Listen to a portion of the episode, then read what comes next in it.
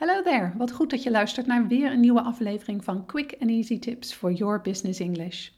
Het onderwerp van vandaag is het gebruik van Google Translate in zakelijk Engels.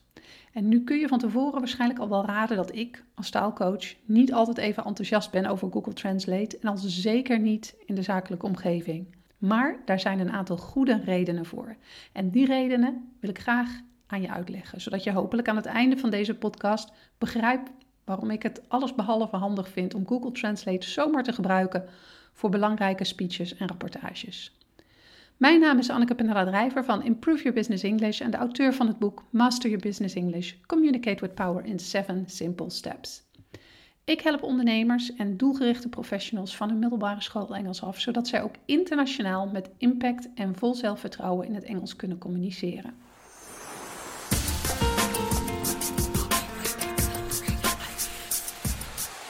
Eigenlijk valt het gebruik van Google Translate ook enigszins onder middelbare school Engels.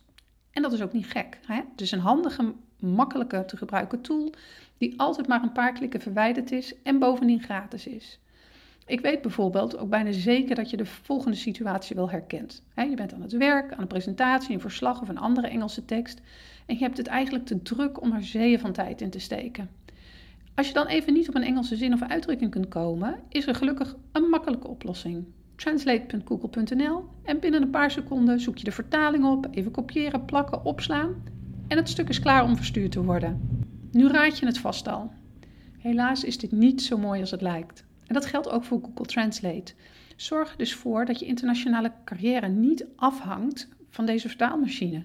Ik wil niet zeggen dat je Google Translate helemaal niet meer moet gebruiken. Google Translate kan namelijk heel handig zijn als je tussendoor even snel een woord moet opzoeken. Gun jezelf dan echter wel de tijd om een paar seconden kritisch naar het vertaalde woord te kijken. Is dit echt het juiste woord? En de synoniemen van het woord. Ken ik daar een synoniem van? En is dit inderdaad wat ik wil zeggen? Daarnaast kun je Google Translate ook goed gebruiken als je een globaal idee wilt krijgen van een moeilijke Engelse tekst. En die daarom even snel door de vertaalmachine haalt om te kijken of je de grote lijnen eruit kunt halen. Maar als we het hebben over het gebruik van Google Translate in zakelijk Engels, oftewel in de teksten waarmee jij je als bedrijf profileert, over de presentaties die je moet geven voor zalen vol professionals, dan is Google Translate echt een no-go.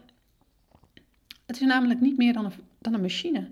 En een machine die zo is ingesteld dat het op basis van eerdere vertaling die gebruikers hebben opgezocht, een gok doet naar de vertaling die jij nodig hebt. Eigenlijk is het dus pure kansberekening. En vooral als je overgaat op langere stukken tekst, wordt het een stuk ingewikkelder. En langere stukken tekst gaan niet direct over hele hoofdstukken. Nee, het begint al met zinsdelen en zinnen. Om maar even bij het thema van deze podcast te blijven, voerde ik de volgende zin in op Google Translate. Machines kennen de Engelse taalregels niet.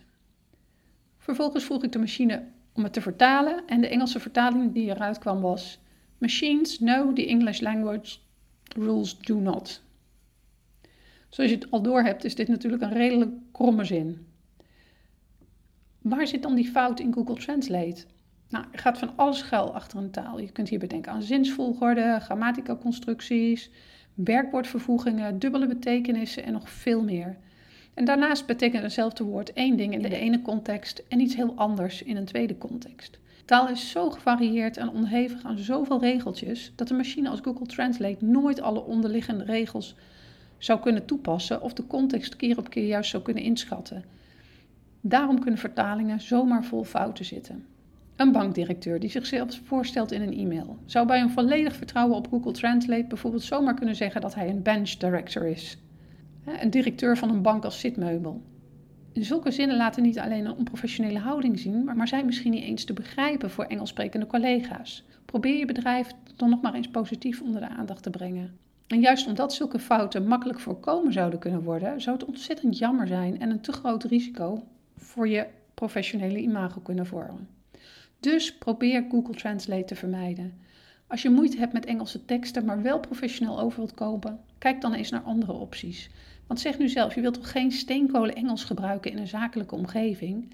Misschien kun je iemand vinden die je Engels zijn teksten voor je checkt. En daarnaast ben je trouwens goed bezig met het beluisteren van deze podcast. En als je op zoek bent naar nog meer hulp, kun je altijd een kijkje nemen op onze site. Wil je liever een tastbaar hulpmiddel? Een boek Master Your Business English leidt je langs alle aspecten van het zakelijk Engels die voor jou als professional van belang zijn. En de link naar het boek kun je vinden in de beschrijving van deze podcast. Ik hoop dat ik je heb weten te overtuigen van de nadelen van Google Translate. Vergeet niet om je te abonneren op Quick and Easy Tips for Your Business English voor meer tips over cruciale aspecten van het zakelijk Engels.